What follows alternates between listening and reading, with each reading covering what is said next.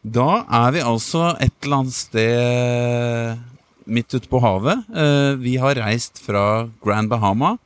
Sitter nå ute i cockpiten. Eh, Kristoffer og jeg ikledd eh, flotte boksershortser.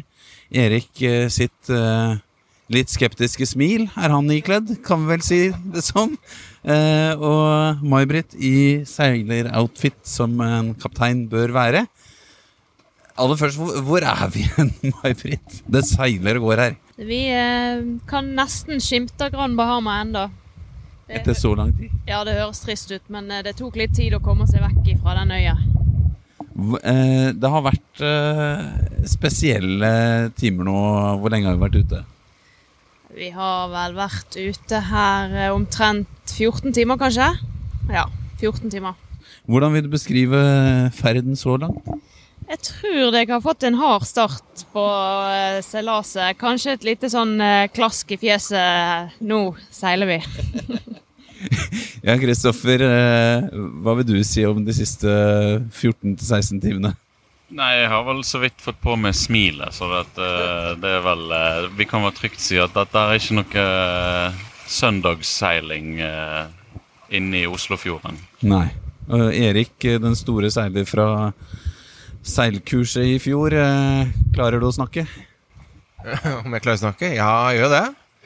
Det var ikke så mye vind i Oslofjorden inne i, indre Oslo havn i fjor. Det var ikke det. Nei, det var ikke det. Erik, eh, hva tenker du akkurat nå? Det er et stort sports, sportsspørsmål, jeg klarer nesten ikke snakke her. Eh, Hva tenker du akkurat nå om situasjonen vår? Eh, Jeg syns det fortsatt er hyggelig å være på tur. Men, eh, men jeg er veldig nysgjerrig på hvor lang tid det tar å komme oss videre. For det er veldig sånn varierende vind.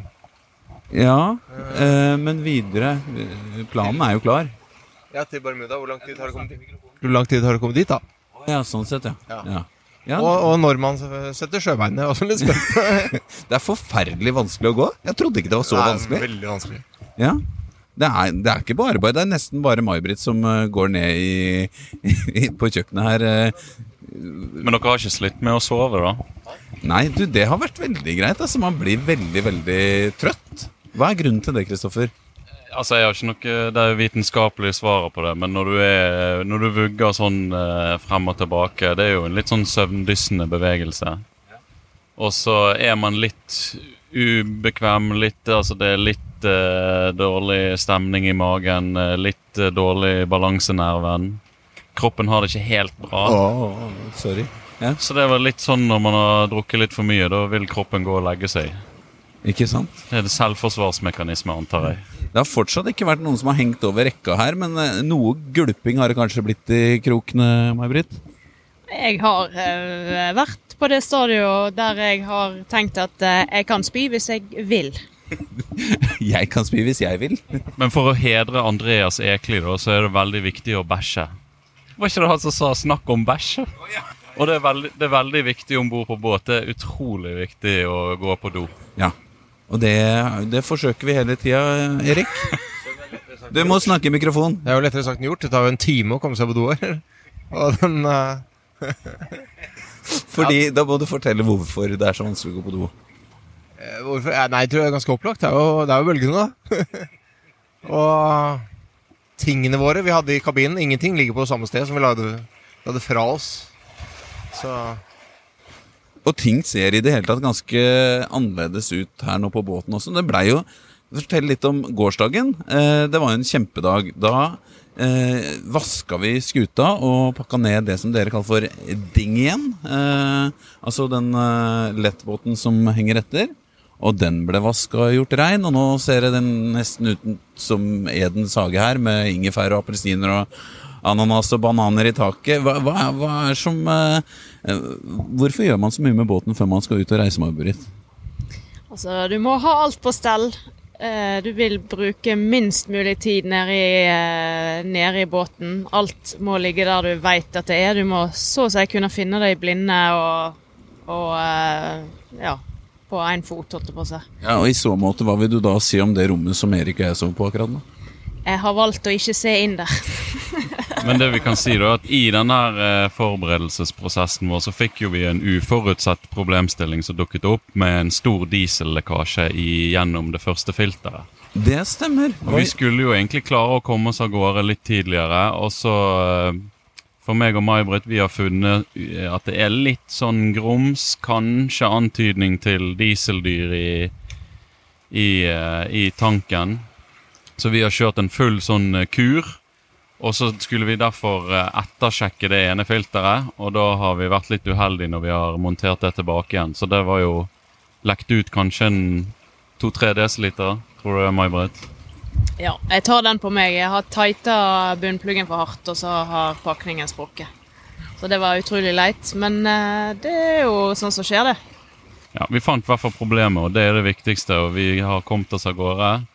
Lukter litt diesel nede i eh, salongen der, så alle blir Jeg vet ikke om vi sovner av dieseldunst eller uh, dyssing av båten. En fin, fin kombinasjon. Skal bli en fin måned, tenker jeg da. Det er Veldig, veldig bra. Men det var snakk om noe Golfstrøm og noe greier. Hva skjedde med det? Eh, den er her. Men eh, jeg tror kanskje vi må eh, ganske langt nord for å sette kurs eh, og få litt fart fra den. Så jeg tror vi har valgt å, å droppe det. Men det kan hende vi får litt sånn kantene av det, og at man er litt heldig med strømmen likevel. De som er hjemme og er litt interessert i vær og vind, de kan jo gå inn på windy.com, og så kan du velge på menyen. Der kan du velge eh, strømmer, og så kan man gå bort her da rundt Miami. og så er Det er ganske stilig å se hvordan Golfstrømmen beveger seg over Atlanterhavet. Mm. Utrolig, utrolig stilig, faktisk.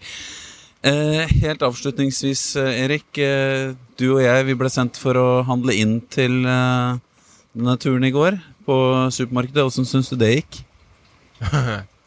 Handlingen? Nei, da tror jeg vi trenger en liten time hvis jeg skal fortelle den historien. I den tidligere omtalte Ding igjen. Hvor havna vi?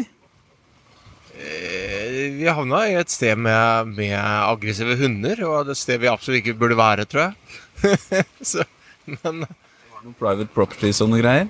ja. Vi, Men, trakk, vi, kom, vi fikk inn mat. vi fikk handla inn mat. Ja. Ja. ja, men bra. Da skal vi bare si det sånn, og så Så skvulper vi videre, vi. ja. Elon Musk fortsetter å levere inntil, så vi får se hvor mange podkaster det blir. Til en voldsom økt pris. Ja, det har vært noe greier der også. Han sendte ut noen regninger i går, gjorde han det, Kristoffer? Ja, Elon sendte meg en regning i går og sa at hvis ikke du betaler den her, så kutter jeg det ut fra internetten din. Så vi har betalt.